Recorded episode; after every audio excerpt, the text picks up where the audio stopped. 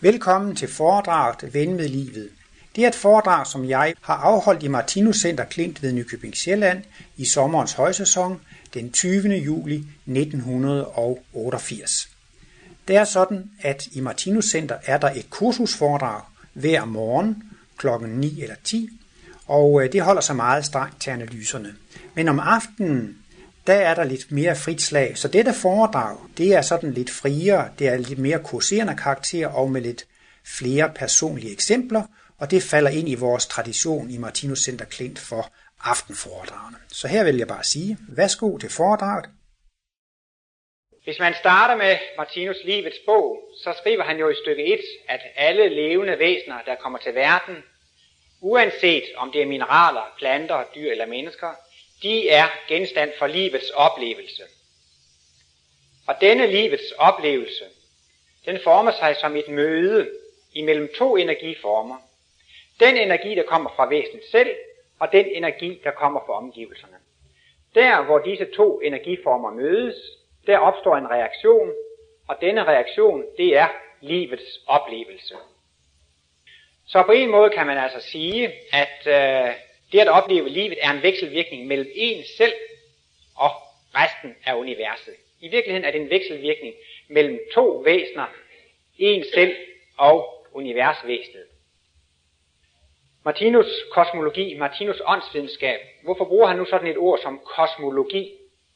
Ja, kosmos, det er det samme som universet. Og kosmologi, logi, det er jo altså læren om universet. Og Martinus mener jo, at universet er et eneste stort levende væsen. Altså at guddommen er identisk med det levende univers. Så man kan faktisk sige, at Martinus kosmologi, det er en Guds lære. Det er altså læren om guddommen. Og øh, jeg tror nok, man kan sige, at Martinus har jo ligesom skabt et nyt gudsbegreb, eller et kosmisk gudsbegreb. I det man jo ofte har opleve livet som sådan, at der er visse oplevelser, der er behagelige, og andre oplevelser, der er ubehagelige. Og så mener man jo, at der må være et ophav til disse oplevelser, og så har man jo opfattet det sådan, at det er Gud, der er ophav til de behagelige oplevelser, og så er det så den onde, eller djævlen, der er ophavet til de ubehagelige oplevelser. Og der er jo også mange opfattelser af, at Gud er en kraft, der står uden for verden, som så styrer og skaber nede i verden. Men det kosmiske gudsbegreb, det indebærer altså, at guddommen er identisk med alt, hvad det eksisterer. Det er summen af alt, hvad der eksisterer. Så man kan altså ikke blive ven med livet, uden at blive ven med guddommen. Man kan heller ikke være ven med guddommen, uden at være ven med alle, alle mennesker og alle, alle levende væsener. Hele den fysiske del af verdenssaltet, det er altså den fysiske del af, af guddommen. Det vil altså sige, at livets oplevelse, det er en vekselvirkning mellem en selv og universet, mellem en selv og guddommen. Og allerede i stykke 6 eller stykke 7 i fortalen til livets bog, er Martinus inde på, hvor nødvendigt det er for os, at vi lærer at forstå denne øh, vekselvirkning. Han taler om, at livet er en 100% personlig udløst korrespondence mellem forsynet og væsenet og det enkelte væsen. For mange mennesker, så er den ydre verden jo altså tilfældig. Den ser tilfældigt ud, den ser meningsløs ud. Men ifølge Martinus, så er der altså absolut en mening med alt, hvad vi oplever. Der findes ikke en eneste bevægelse, en eneste vibration, som vi oplever, der ikke er personligt ment til os. Og det har altså denne samtale har til formål at udvikle os fra primitivitet til fuldkommenhed, til at blive gudevæsener eller, eller kristusvæsener. Hele denne samtale er en stor undervisning eller opdragelsesinstitution. Øh, vi går altså i livets skole, der har det formål at uddanne os til at blive fuldkommende væsener.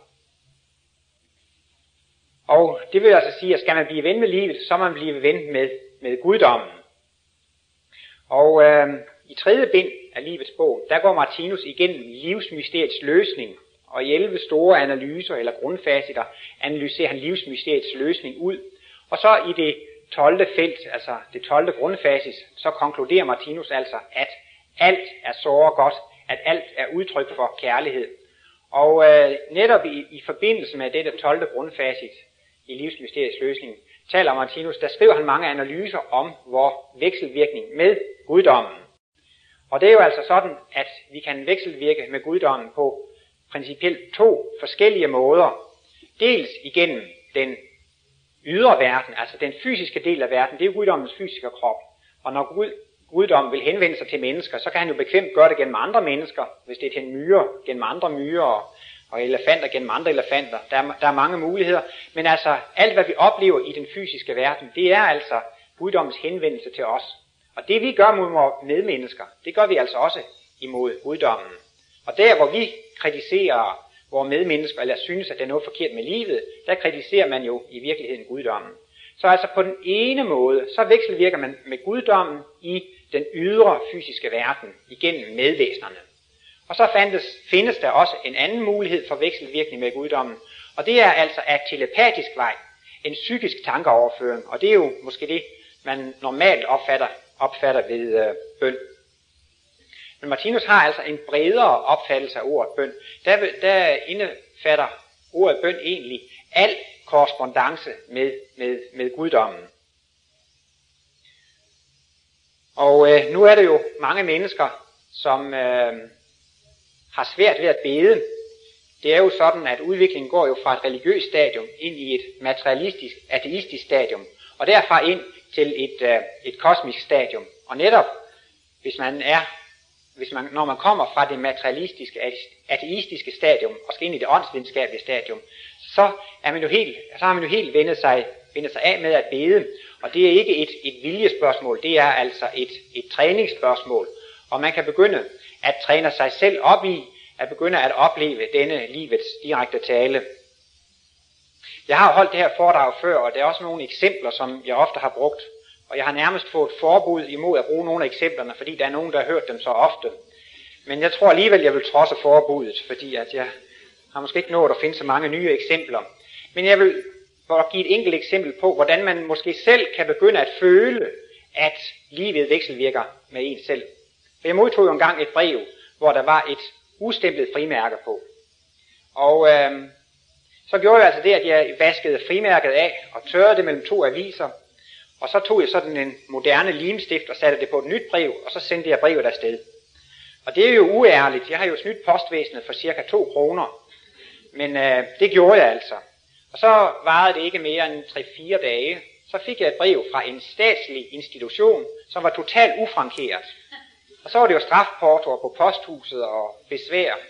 Og den første reaktion, det er selvfølgelig, at man bliver irriteret. Hvorfor skal jeg nu have det besvær? Jeg tror, det gik måske en halv time, så, så fik jeg koblet. Det var da interessant, at livet prøver på at undervise mig eller lære mig. Der må være en sammenhæng imellem de to øh, hændelser. Og så sagde jeg også til mig selv, at, at det vil jeg aldrig gøre mere. Og jeg har lagt mærke til, at det er tit, de stempler ved siden af, og det er tit, øh, frimærkerne ikke er stemplet. Men det gør jeg aldrig mere, fordi nu har livet en gang for mig talt om, at sådan skal man ikke gøre.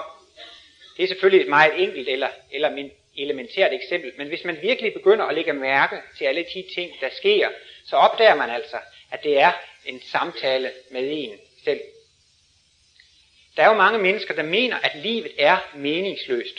Og de har faktisk den samme holdning øh, til livet, som en analfabet har til en bog. En analfabet kan jo ikke få nogen som helst mening i en bog. Eller, eller hvis vi får en bog på japansk, så kan vi jo heller ikke, for os er der bare tryksværte. Og sådan er det altså også med livet. For mange mennesker er det tryksværte, det er meningsløst. Men øh, denne er altså guddommens 100% personlige korrespondence med hver enkelt væsen. Altså alt, hvad vi oplever i livet. Det er altså en undervisning, og en opdragelse. Og det er også ofte, Martinus bruger to andre ord, at det er også udtryk for kærlighed og underholdning. Det er jo ikke så surt alt sammen. Hvis man ligger ved stranden, og solen skinner, og vinden kærtegner ens krop, så er det jo også et udtryk for, for livets direkte taler. Det er jo tit, vi kan blive underholdt i naturen og mange andre steder, så det er jo ikke så surt altid. Men der, hvor det kan være vigtigt at lære dette med livets direkte tale, det er jo netop i de situationer, hvor vi skal øh, undervises og, øh, og opdrages. En anden lille episode heroppe i Klint, det var for en del år tilbage, så skulle man rejse en flagstang nede på Villa Rosenberg. Jeg tilbød at hjælpe til, og jeg kom 5-10 minutter før de andre. Jeg tror, det var Birte Gerner Larsen, hun var oppe på taget, og så stod der en mand og malede og, og de var jo vældig travlt. Så hørte jeg, at telefonen ringede inde i, i Villa Rosenberg. Så burde man måske være så behjælpelig, at man gik ind og tog telefonen, for de andre havde jo maling på fingrene, men jeg tænkte, ej, det kan man da ikke gøre, man kan da ikke bare sådan gå ind i, i lejligheden. Så, så jeg blev jo roligt liggende på græsset og solede mig, indtil så den ene havde fået tørt malingen af fingrene og gået ind og hentet telefonen. Og så kom han tilbage igen, og så nogle minutter efter sagde han, ja, øh, det var en, der skulle tale med en Ole Terkelsen. Han vidste jo ikke, hvad jeg hed, men så, så forstod jeg, nå ja, altså, det var, det var en lille påmindelse om, at man skal, man skal lære og hjælpe andre, man skal være lidt, lidt hurtigere. Det er jo det med talenterne. Hvis der er nogen, der tramper en over ens livtårn, så bliver man jo vred lynhurtig. Men de nye talenter med at være hjælpsomme, det går jo lidt langsommere. Det kan også være et ældre menneske, som står med en kuffer, der skal over gaden. Så siger man til sig selv, ja, nu tror jeg virkelig, at jeg går hen og hjælper vedkommende. Jo, min sanden, det er en god idé at hjælpe. Ja, nu tror jeg virkelig, jeg vil gå hen og hjælpe. Men så er vedkommende jo kommet over gaden i mellemtiden, fordi man er så langsom. Det er ikke, det er ikke blevet en automatfunktion eller en vanefunktion at, at hjælpe. Og den her historie, jeg har fortalt med telefonen, den fortalte jeg nogle dage efter på stationen i Holbæk. Vi var kommet en time for sent til tog, der var en anden, der skulle til Klint. Så fortalte jeg den historie, at man skulle lære at gå hen og tage telefonen. Og, og min sanden, så var der en telefon bagved i en telefonboks, der ringede. Men, men jeg var alligevel så generet, så jeg så... Så jeg tog ikke tage telefonen, og på trods af, at det var en svensk pige der, så gik hun hen og tog telefonen. Og det var så en, der efterlyste en rødhåret dreng på 12 år, om han var på stationen. Men så forstod jeg, at livet trykkede endnu en gang på, at, at jeg havde endnu ikke lært at, at forstå den der besked. Men uh, et andet eksempel eller billede, jeg også kunne bruge, det er jo det her med, øh, livets direkte tale, den er altså tydeligst i den ydre verden. Hvis der er en lærer i skolen, der står og underviser ved tavlen, og han, han skriver, hvis eleverne ikke ved, at læreren er kommet ind, og hvis eleverne ikke ved, ja, at læreren er til stede, at han underviser, så lærer de jo næsten ingenting. Men hvis eleverne kommer på, åh, læreren er kommet, og han er i fuld gang med at undervise, så fremmer det jo indlæringen kolossalt meget. Og sådan er det jo ofte, at vi er slet ikke klar over, at der findes en lærer her i livets skole. Og det er jo naturen, eller livet selv, eller guddommen selv, der er læreren, og undervisningen har været i fuld gang i lang tid. Man lærer sig dog alligevel, selvom man ikke er klar over, at læreren er der. Alle de lidelseserfaringer eller smerteerfaringer, man får, de øh, afsætter jo en virkning i vores følelseslæme og gør os mere humane eller kærlige. Det gør ikke noget, at vi ikke forstår vores lidelser, forstår hvorfor vi skal lide. Og det gør heller ikke så meget, at vi ikke kan huske vores lidelser. De afsætter en virkning alligevel. Men nu er vi kommet ind i et udviklingsstadium, hvor man har en mulighed for at forstå undervisningen. Og der er også mange, der har svært ved at forstå, hvordan vi skulle kunne udvikle os frem til et fuldkomment menneskerige i løbet af 3.000 år. Men det er altså muligt, fordi vi via vores intelligens nu har mulighed for at blive medarbejdere på vores, på vores egen udvikling. Der er også mange mennesker, der øhm, prøver at fiske lidt i det ubevidste eller det underbevidste for at få nogle informationer om sig selv. Men hele den ydre verden, det er jo et spejl af en selv. Der kan man få al den ønskelige undervisning, det skal være i, i den øh, ydre verden. Men altså, nogle gange så går man måske til astrologi, eller drømmetydning, eller hypnose, eller trance, eller clairvoyance for at finde noget. Og det svarer faktisk til, at der er en klasse inde ved siden af, hvor der er en lærer, der underviser. Og så i stedet for at høre efter inde i sin egen klasse, så prøver man at høre, hvad der foregår inde i klassen ved siden af. Og det er da muligt, at man kan opsnappe en lille smule af det, der foregår i klassen ved siden af. Men det er faktisk meget bedre at rette sin fulde opmærksomhed på den undervisning, der finder sted i ens eget klasselokale. Og det er jo altså i den ydre fysiske verden, hvor, hvor undervisningen den, øh, den foregår. Der er nogle mennesker, der mener, at det ikke er nødvendigt at lære at bede. Fordi øh, hvorfor skulle man det? Det er jo, når skæbneloven fungerer i alle fald, så hjælper det vel ikke noget, at jeg beder, for jeg skal jo alligevel have den skæbne, jeg skal have. Men Martinus mener alligevel, at det er af ordentlig stor betydning. Dels så ligger der altså det i bønden, at det er en utrolig stærk kraftkilde, en, en energikilde. Det er menneskets største kraft eller energikilde. Og ved hjælp af den kan man altså få styrke eller kraft til at tage sin skæbne på en anden måde. Man kan ikke bede om, at naturlovene skal ændres. Det nytter jo ikke noget, at jeg beder om, at solen skal stå op to timer senere, for ikke at genere min morgensøvn. Det sker der ikke noget ved. Og man kan altså ikke bede om at få en anden skæbne. Men man kan bede om at få kraft og styrke til at tage sin skæbne på en anden måde. Men øh, hvis nu man sammenligner vort gudsforhold med en familie, så vil det jo også være mærkeligt, hvis børnene ikke talte med forældrene. Hvis børnene siger, jamen jeg behøver ikke at, at, at sige noget til mine forældre. Jeg, vi behøver overhovedet ikke at kommunikere. Jeg dør jo ikke af sult, og jeg har jo et sted at sove, så jeg behøver slet ikke at snakke med mine forældre. Det går jeg alligevel. Men han ville jo synes, det var da et mærkeligt familieliv, hvis man kun kommunikerer, når man har mavepine eller man har store problemer. Det ville jo være, være mere naturligt, at man havde en daglig samtale eller en daglig kommunikation. Og øh, det er altså også øh, bøndens mission, at man skal øh, udvikle sig frem til at få et, et øh, fortroligt gudsforhold. Det er jo sådan, hvis man møder et andet menneske, øh, som man ikke kender, så er man jo ikke særlig fortroligt med dette menneske.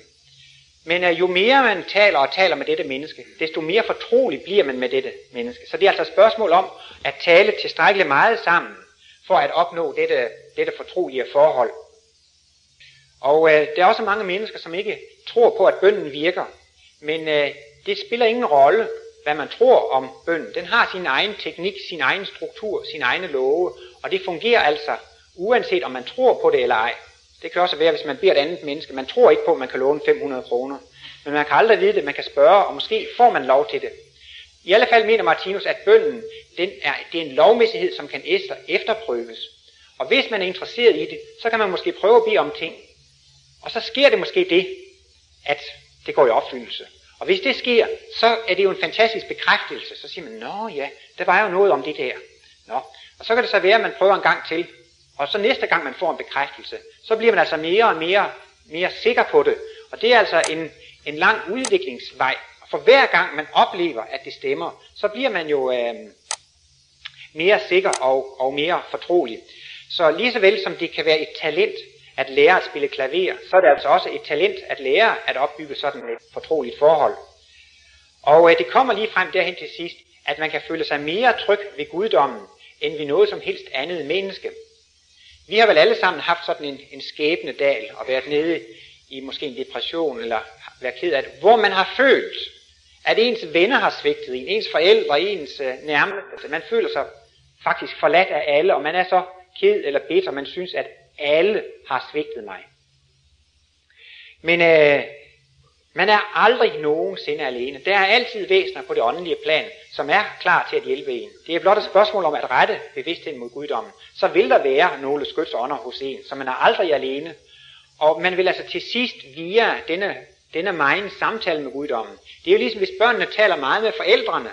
Jo mere de taler sammen, desto bedre forståelse kommer der, desto bedre kommunikation kommer der, og desto bedre så bliver jo, øh, bliver jo familielivet. Det kan jo være i starten, hvor man er meget uøvet i at bede. Det kan man jo sammenligne med spædebarnstadiet. Hvis et lille barn skriger, så skriger det måske, fordi det har ondt i øret. Måske har det mavepine, måske har det ondt i foden. Det ved forældrene ikke. Det er svært at finde ud af. Det skriger bare. Og det er jo en bøn. Og sådan er det jo også, at hvis vi bare råber eller beder om hjælp, så, øh, så, så, så er det jo ikke altid lige nemt for guddommen at finde ud af, hvad det er, man vil. Og derfor er det altså godt, at man kan formulere sine problemer og specifikt tale om, hvad det er, man, øh, hvad man ønsker sig. I bøndens mysterium skriver Martinus, at mysteriet ved bønden, det er altså uselviskhed. Det er selve bøndens mysterium. Og øh, hvis bønderne, bønderne er selviske, så kan de ikke gå i øh, opfyldelse. Jeg læste engang en bog af Mark Twain, som hed Kaptajnen i Paradis. Det var sådan en søulk, en kaptajn. Han var kommet lidt ud af kurs, da han døde. Så ved en fejltagelse, så havnede han i paradis og, og, og kom altså derind. Han kom blandt andet også ud til den store hvide flok. Men da han, han kendte jo kun én salme, så da han havde sunget den i 17 timer, så var han jo træt af det. Så han traskede hjem fra skyerne og smed harpen og glorien og salmebogen i vejgrøften. Men i slutningen af bogen, så kom han hen i bogholderiet, hvor man modtager menneskenes drømme. Og der var jo så en mand, som fromt havde siddet og bedt, bedt hen i kirken om søndagen om, at det skulle gå hans næste godt, og hans naboer godt, og så videre. Og så havde de også noget, der hed hjertets inderste bøn. Altså hvad man i virkeligheden ønsker sig. Og der ønskede han sig jo i virkeligheden, at, at hans konkurrent skulle gå konkurs. Og at han... Øh, og så sidder de der mennesker jo oppe i bogholderi, det himmelske bogholderi, og de vil jo gerne kunne opfylde alle bønder. Men øh, hvad skal de så gøre? På den ene side ønsker han sin næste alt godt, og på den anden side så ønsker han, at han skal gå øh, falit og blive ruineret. Hvad skal man så gøre? Hvem skal man øh, rette sig efter? Det kan jo være, at jeg beder om at blive gift med Brigitte Bardot. Men øh, hvis nu Brigitte Bardot hun beder om at blive gift med Jean-Paul Belmondo, hvad, hvad skal de så gøre op i bogholderi? Det, så skal vi gøre det ene eller, eller, eller det andet? Det har en, en slags indre modsigelse. Det er, selv med den bedste vilje, så er det umuligt at opfylde sådan nogle bønder. Og sådan er det faktisk med de selviske bønder. De er umulige at opfylde. De har en, en indre inkonsekvens. Det ville også være, at vi kunne bede om, at, at jeg måtte blive milliardær. Men hvis alle bad om det, så var det ikke penge nok. Så sådan en, så sådan en bøn, den er altså også umulig at, øh, at opfylde. Men det skal ikke betyde, at man ikke må bede om at få hjælp til sig selv. Det er et spørgsmål om, at det ikke skader andre. Hvis nu man er syg, så kan det jo være, at man beder om at må få hjælp til at blive rask. Så er der nogen, der siger, ja, men det er jo en selvisk bøn. Sådan en bøn kan jo ikke gå i opfyldelse. Men øh, det er jo i hvert fald ikke noget, der kan skade andre, at jeg bliver rask. Og i den forstand, så er det jo en uselvisk bøn. Også hvis man betragter det syge organ eller de syge celler som levende væsener, så bliver det jo faktisk også en altruistisk bøn, at man beder om, at disse væsener de må, må, må blive raske. Det kan også være, at man sidder alene hjemme og er ensom, og så beder man om at få selskab. Så kan man måske også tro, at det er, at det er en egoistisk bøn. Men hvis nu der for eksempel der sidder tusind mennesker i Danmark, som er ensomme, og så beder de om, at de gerne må få selskab. De, vil, de beder om at få selskab. Men øh, så er der måske... Øh, men de beder ikke om at få lov til at blive noget for andre. Og øh, ja, det her er tusind ensomme mennesker, men der er ikke nogen, der vil gøre nogen for de andre. Hvordan skal man så opfylde sådan en bøn? Man har ikke nogen redskaber til det. Men hvis de her, ja, hvis det var sådan, at de alle sammen bad om at få selskab, og bad om, at de måtte få lov til at gøre andre ensomme mennesker glade, så er det meget nemt at forsyne. Nå, jamen, så tager vi og sender de 500 hen til de 500 andre. Så altså, så er der nogle bønder for meget ofte medhold, hvis man beder om noget godt for sig selv, samtidig med, at man gerne vil, øh, vil hjælpe, hjælpe andre. Og jeg kender altså også sådan forskellige eksempler. Nu har jeg holdt det her foredrag, og så har jeg nogle gange bagefter hørt andre eksempler. Og et eksempel, jeg hørte en gang, det var en, en øh, norsk ven, som sad og læste i bøndens mysterium. Og så opdagede han, at der var kommet en mus ind i lejligheden. Og det var jo meget kedeligt, og for det her med musefælder, der slår musen ihjel, det, det er jo ikke så godt. Og, og så sad han jo just og arbejdede med bøndens mysterium, så tænkte han, nu vil han virkelig prøve at se, om, om det passede, det der stod i bogen, om, om, om det hjalp. Så han bad jo meget om at få løst sit problem og blive fri for musen. Men han bad også om, at måtte blive fri for at slå musen ihjel. Men der, der skete jo så ikke noget, han lagde sig i seng. Men så om natten, så er musen kravlet rundt på en hylde, og, og så faldet ned i en krukke, ned i en, som den ikke kunne komme op af. Og så behøver han så bare at lukke døren op og lade musen, lade musen løbe ud. Og så løste det problem sig. Og det er jo altså også, når man tænker på den anden part, så er det meget ofte, problemerne løser sig. Jeg talte også engang med en, som var laborant i en lille by, hvor der var en virksomhed, hvor man havde øh, en slags dyreforsøg. Og det var hun meget ked af, at man skulle lave de dyreforsøg. Men det, det var jo næsten ingen udsigt til, at hun kunne få andet arbejde med den uddannelse i den pågældende by. Men øh, så bad hun om at måtte få et andet arbejde, fordi at, ja, hun bad altså om, at hun ikke måtte være med til at skade dyrene. Og så gik det lynhurtigt, så fik hun altså et, et øh, andet arbejde, fordi hun bad om ikke at, at måtte, måtte skade dem. Sådan kan det også være, hvis man øh, måske selv skal bekende en psykolog, som skulle til sådan et møde, og han var lidt bange for, hvordan skal jeg nu klare at lede det her møde? Det kunne være meget svært. Men så sagde han, at før mødet, så bad han om, at han måtte være til gavn og glæde for de andre. Men også samtidig selv at få kraft og styrker til at kunne lede mødet. Men i og med, at man beder om at få hjælp til at kunne klare det, også samtidig beder om, at det må kunne hjælpe de andre, så er det helt i overensstemmelse med bøndens mysterium. Og sådanne bønder, de bliver altså, bliver altså bønhørte. Jeg har jo også sådan lidt, lidt mørkere kapitler i mit liv, men jeg vil da alligevel godt fortælle, at jeg har undervist i biokemi på et sted, hvor der indgik rotteforsøg i, øh, i, i disse øvelser. Og jeg skulle ikke selv slagte dem, og jeg skulle ikke selv røre dem, men jeg skulle alligevel instruere i, hvordan man skulle lave sådan nogle opløsninger og måle på de der, de der ting, og det kunne jeg godt se, det var ikke helt rigtigt. Og så er der så et sted, hvor jeg sover ret ofte. Der var der kommet rotter ind i huset, og der var rotter på loftet, og det knavede, og de trampede, og så ved jeg godt, når man ligger og ikke kan sove, så tror man jo straks, de knaver hul i det hjørne, og nu kommer de snart ind der, og og, og, og det skete nogle gange, hvor jeg skulle sove sådan et sted. Jeg var helt stiv af skræk om natten. Jeg kunne slet ikke sove. Så tænkte jeg, der kan måske være en, en, en sammenhæng der. Og så sagde jeg til mig selv, jeg vil aldrig nogensinde tage, tage den pågældende biokemiundervisning mere. Nu skal jeg nok lade jeg, jer være i fred.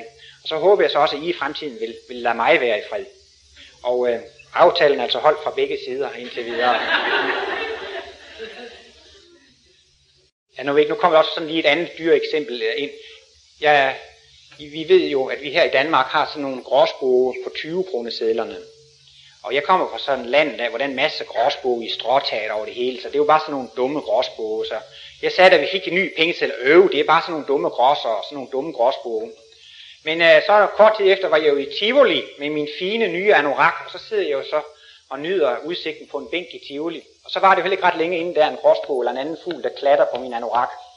Så tænkte jeg også på Martinus 7. leveregel. Sig aldrig noget ondt om nogen eller noget. Det er jo også muligt, at man overtolker det, men man kan jo virkelig være opmærksom på, på mange ting i livet og, og få meget øh, lærdom af det. Øhm, det kan jo også være, at man måske føler, at øh, man på det seksuelle område har nogle, har nogle problemer, man kan ikke rigtig finde ud af det. Og der er det jo sådan set heller ikke egoistisk at bede om at få hjælp til det. Men der er det jo så også, at hvis man samtidig beder om at må få lov til at hjælpe andre, at så har det jo meget større mulighed for at øh, blive bønhørt.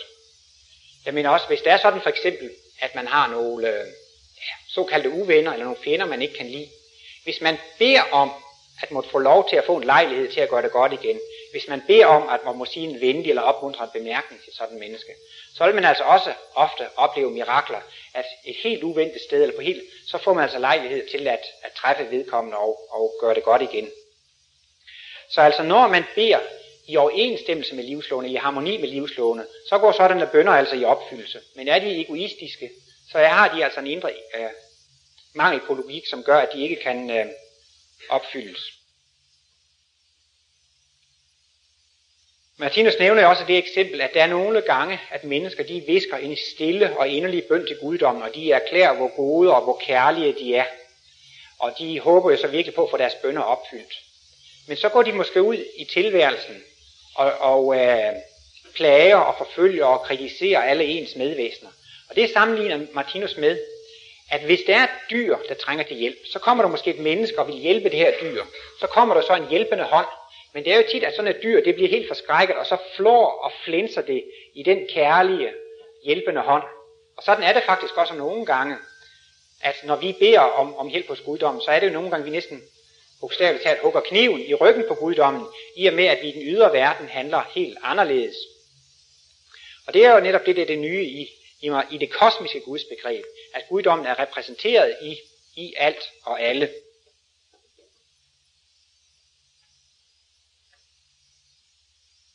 Det kan også godt være, eller bønden er meget anvendelig, hvis der er situationer, hvor man er meget i fare.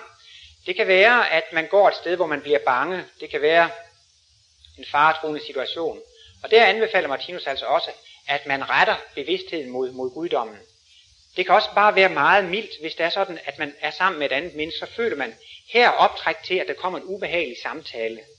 Så kan man altså nogle gange få det helt forandret til det modsatte, hvis man straks retter en bøn til guddommen om, man beder om, at dette møde må godt, og det må ikke komme noget, noget, noget kedeligt ud af det. Og øh, det højeste, man kan gøre, det er jo også det, at man beder for dem, der forfølger en, eller dem, der er imod en. Det var jo netop det, der var det store i Jesu korsfæstelse, at han kunne bede for dem, der plagede ham. Han, han bad altså om, forlade dem, for de ved ikke, de ved ikke, hvad de gør. Og øh, det har jeg også prøvet en enkelt gang. Øh, jeg gik på i Yorks Passage i, øh, i København, og så, så kom der så sådan nogle rakker eller nogle læderjakker bagefter mig, og de begyndte så at, at, at kommentere mit, mit løjelige og mærkelige udseende eller tøj. Så bad jeg jo også straks til guddommen om, at de ikke måtte gøre noget dumt, så de fik en dårlig skæbne ud af det. Ja, så bad jeg selvfølgelig også om, at de ikke selv skulle få nogen tæv, men jeg bad jo også om, at, at de ikke skulle gøre noget dumt, for det ville jo synd for dem, hvis de skulle pådrage sig en dårlig karma ved at slå på mig. Og da jeg så kom ned på strøget, så gik jeg til venstre, og så gik de andre lige så stille, lige så stille til højre. Og den historie fortalte jeg også ved et foredrag engang. Der var der så en kvinde fra Sverige, der fortalte, at hun havde haft en lignende situation, hvor hun havde kørt ude i skoven og var blevet stoppet af sådan nogle rakker i sådan en mørk skov, og det var ret sent om aftenen. Og de blokerede vejen og gik hen og lukkede døren op. Og der sagde hun også, at hun havde bedt til, at de ikke måtte gøre noget dumt. At, at, at, det ville, at hun bad om, at, at de ikke skulle gøre noget, som de selv ville få, få en ulempe af. Og så bad hun selvfølgelig også om, at det ikke skulle ske hende noget. Så kiggede de også bare ind i bilen. Øh, øh, det var uinteressant. Og så slog de døren i, og så, så, kørte, hun, så kørte hun videre. Og øh, jeg tænker da tit på det der med, at det kan være en god idé at, at rette bevidstheden mod guddom, hvis man er i en faresituation. Og jeg har opdaget, tror to eller tre gange, hvor jeg har drømt noget meget ubehageligt. Altså så også i drømmen der, så tænker jeg, jamen, hvad er det nu, man skal gøre? Jo, man skal, man skal rette bevidstheden mod guddommen. Og de gange det er sket, så har jeg altså oplevet, at, at jeg næsten vågner pludseligt, altså jeg kan mærke, at jeg, jeg kommer helt ud af søvnen, og så, så, slipper man, så slipper man fri for det.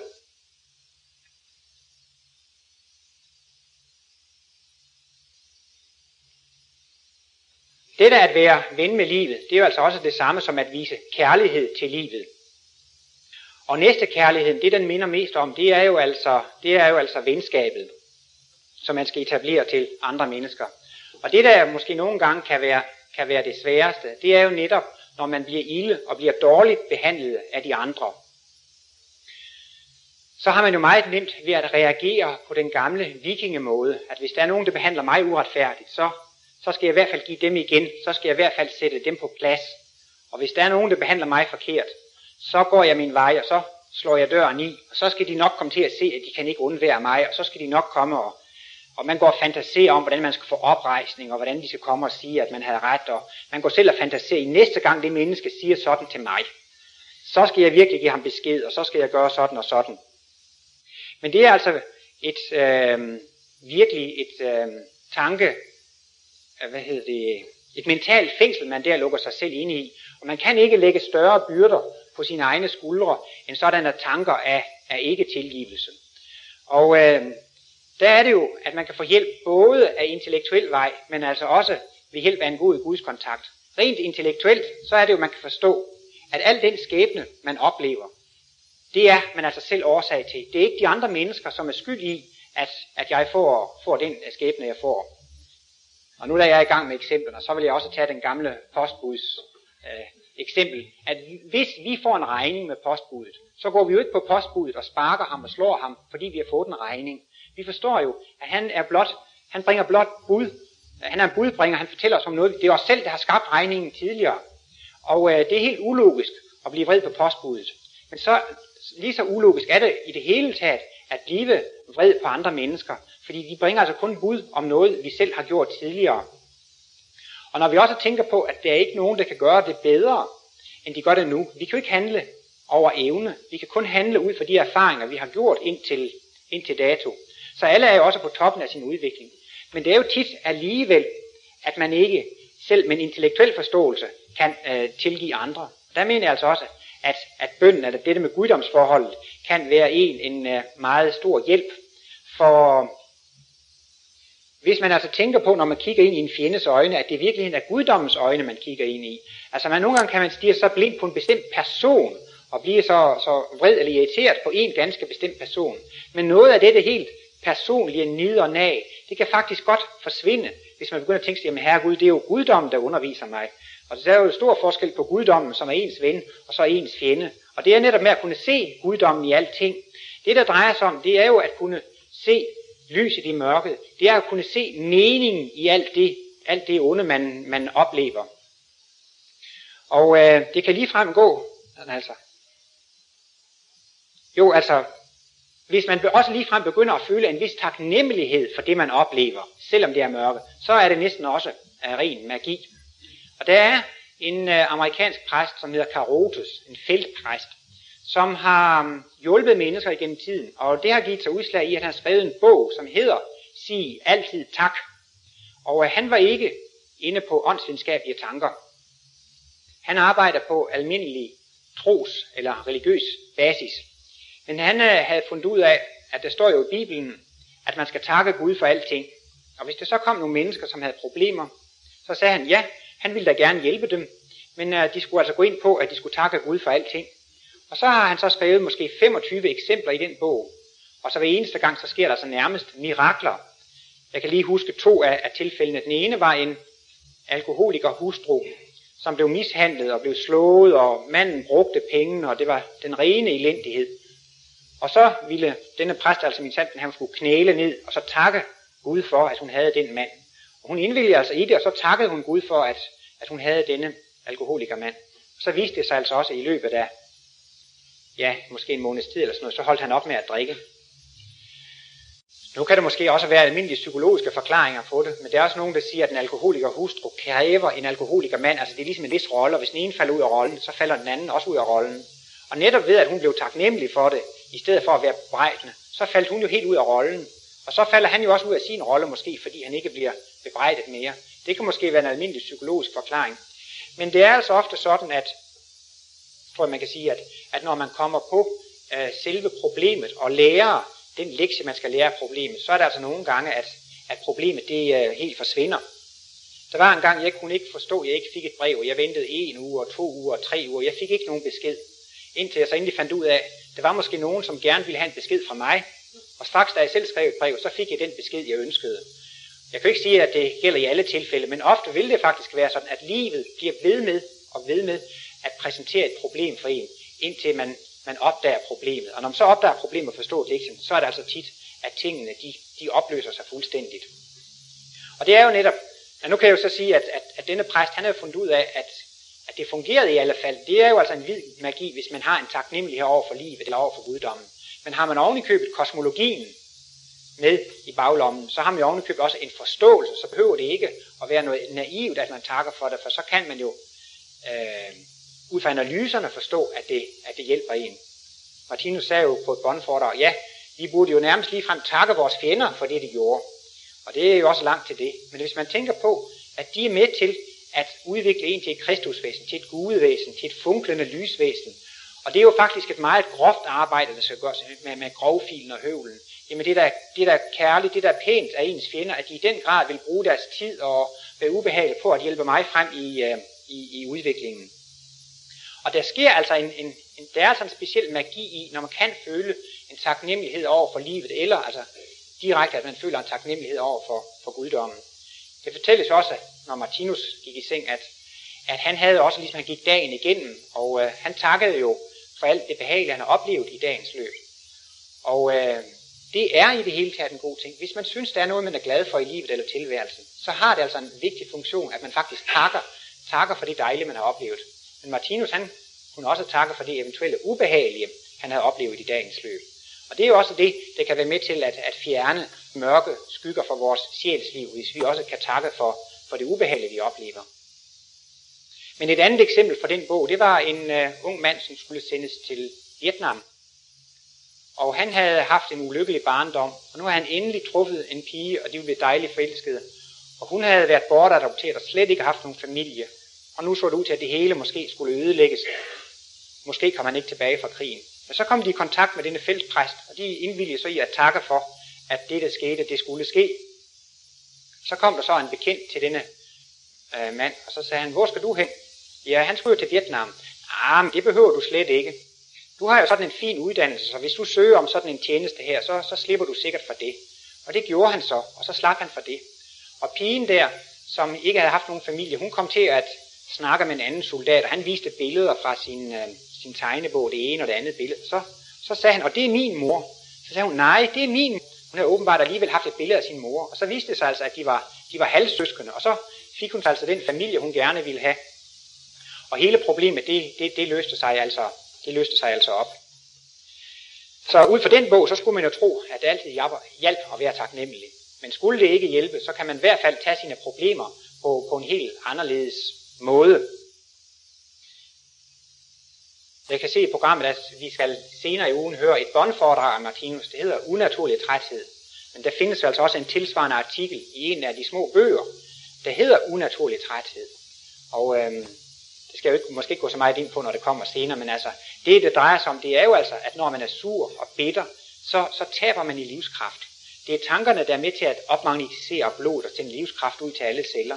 Og er man netop bitter og sur og kan ikke tilgive, så taber man livskraft, og så bliver man træt og deprimeret.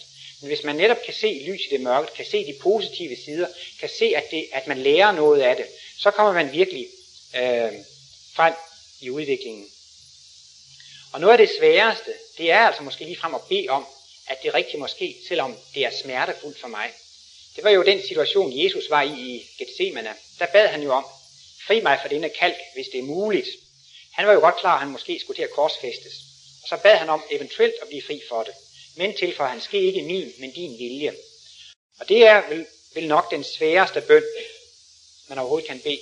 For det kan jo være, at man er i en situation, som man synes er fuldstændig håbløs. Det er muligt, at man har et arbejde, man er nødt til at tjene de penge, og man kan ikke få andet arbejde, og det er så elendige og dårlige forhold. Eller det kan måske være, at man lever i et parforhold, eller et ægteskab, eller omstændigheder, som man synes er så forfærdelige, så altså man vil råbe og skrige efter at komme ud af det. Og der må man gerne bede om, at man kan komme ud af det. Men så skal man så tillægge, men det skal ikke min, men din vilje. Og det vil så sige, at så beder man faktisk om, lad bare det her fortsætte, hvis det er det bedste for mig. Og det er jo virkelig svært at få over sit eget hjerte, hvis man virkelig er meget træt eller ked af situationen. Men der kan man altså have fuld tillid til livet, at det sker kun, hvis det er det bedste for mig. Og der er altså også en slags højpsykisk magi i det. I Gethsemane beretning fortælles der jo, at da Jesus øh, bad denne bøn, så stod der en lysets engel hos ham, som han kunne se. Men øh, det kan vi jo ikke se. Men det, men forklarer Martinus, det kommer der i alle fald altid på det åndelige plan. Så er man på bølgelængde med kærligheden, så er man på øh, bølgelængde med, med verdensaltets grundtone. Det kan også være nogle gange, hvor man øh, er blevet uretfærdigt behandlet af andre. Og så har man jo svært ved ikke at give igen, at man bare skal tage imod, og man bliver måske ydmyget og fornedret. Og, og det gamle vikingesind, det byder jo så at tage kampen op og kritisere de andre og nedgøre de andre, og man kan måske føle sig helt latterliggjort og nedgjort, hvis man ikke svarer igen. Men der siger Martinus altså, at hvis, hvis man tænker kærligt på de andre, og ikke vil svare igen for ikke at genere de andre, så selvom hele den fysiske verden er imod en, så har man hele den åndelige verdens medhold. Hele det åndelige plan er med en, når man prøver på at, at tilgive andre væsener. Så det er altså virkelig en øh, særlig magi i, hvis vi her i, på det fysiske tilværelsesplan kan komme på bølgelængde med, med guddommens øh, bølgelængde, som jo altså er kærlighed. Martinus taler om, at verdensaltets grundtone, det er jo altså kærligheden. Og det, det så drejer sig om, det er jo, at vi skal prøve at lære at se hele tilværelsen gennem, gennem Guds øjne, og øh, se altså, at det er en skabelsesproces, som har en meget velsignelsesfuld afslutning. Altså hele denne livets direkte tale, det er jo altså udtryk for, at vi skal udvikle os frem imod fuldkommenhed.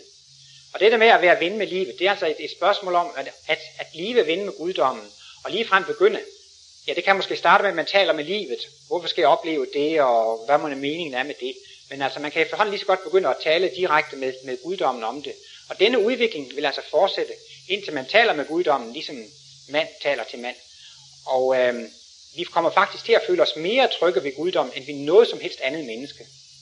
For de fleste mennesker, så er det jo noget ret uhåndgribeligt, dette med guddom. Men det er altså en træningssag og en fortrolighedssag at begynde at, at opøve det. Og man kan altså komme i den situation, at man kan gå igennem det værste mørke og de største lidelser, alligevel med livsmodet i behold.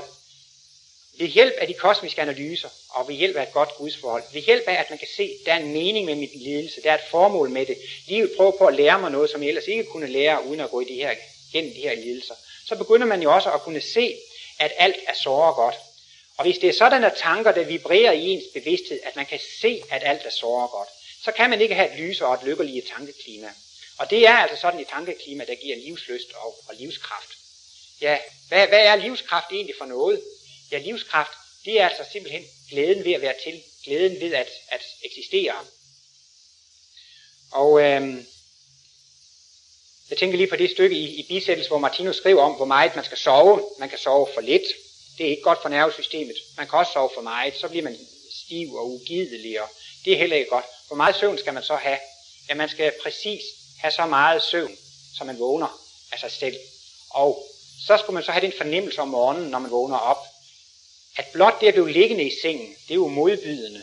At man, man, man iler, man går en ny dag i møde med strålende humør, fordi man glæder sig til at opleve livet. Og det er jo også altså det om morgenen, når man vågner, så tænker man, ja, hvad må min gode ven guddommen har at servere for mig i dag af, af spændende og dejlige oplevelser. Men ofte er det jo sådan, at vi vender os om og sover videre. Og det er jo snarere et udtryk for, at vi virkelig ikke rigtig har lyst til at opleve livet at vi ikke har lyst til at, at opø, øh, møde vores, vores gode ven, guddommen eller, eller livet. Der er en bog, som hedder Cosmic Consciousness, som er skrevet af Richard Morris Bock. Og den beskriver en 20-40 mennesker, som har haft en kosmisk oplevelse, og skulle man tro Martinus, øh, altså Martinus beskrivelse af kosmiske glimt, og så er den af Richard Morris Bock, så, så svarer det altså meget godt til hinanden. Og et meget karakteristisk træk ved alle de mennesker, som har fået kosmiske glimt, kan man se i den bog, det er, at de har haft et godt og et inderligt gudsforhold. Og hvad er det egentlig dette at få et kosmisk glimt? Ja, de beskriver jo alle sammen, at de oplever, at de er evige og udødelige. De oplever, at hele verdenssaltet er en eneste stor levende organisme, og de oplever, at det må være det, der i de hellige skrifter er omtalt som guddommen. De oplever altså, at hele universet er et vibrerende levende væsen, og de føler sig et med alt levende, de føler sig et med guddommen.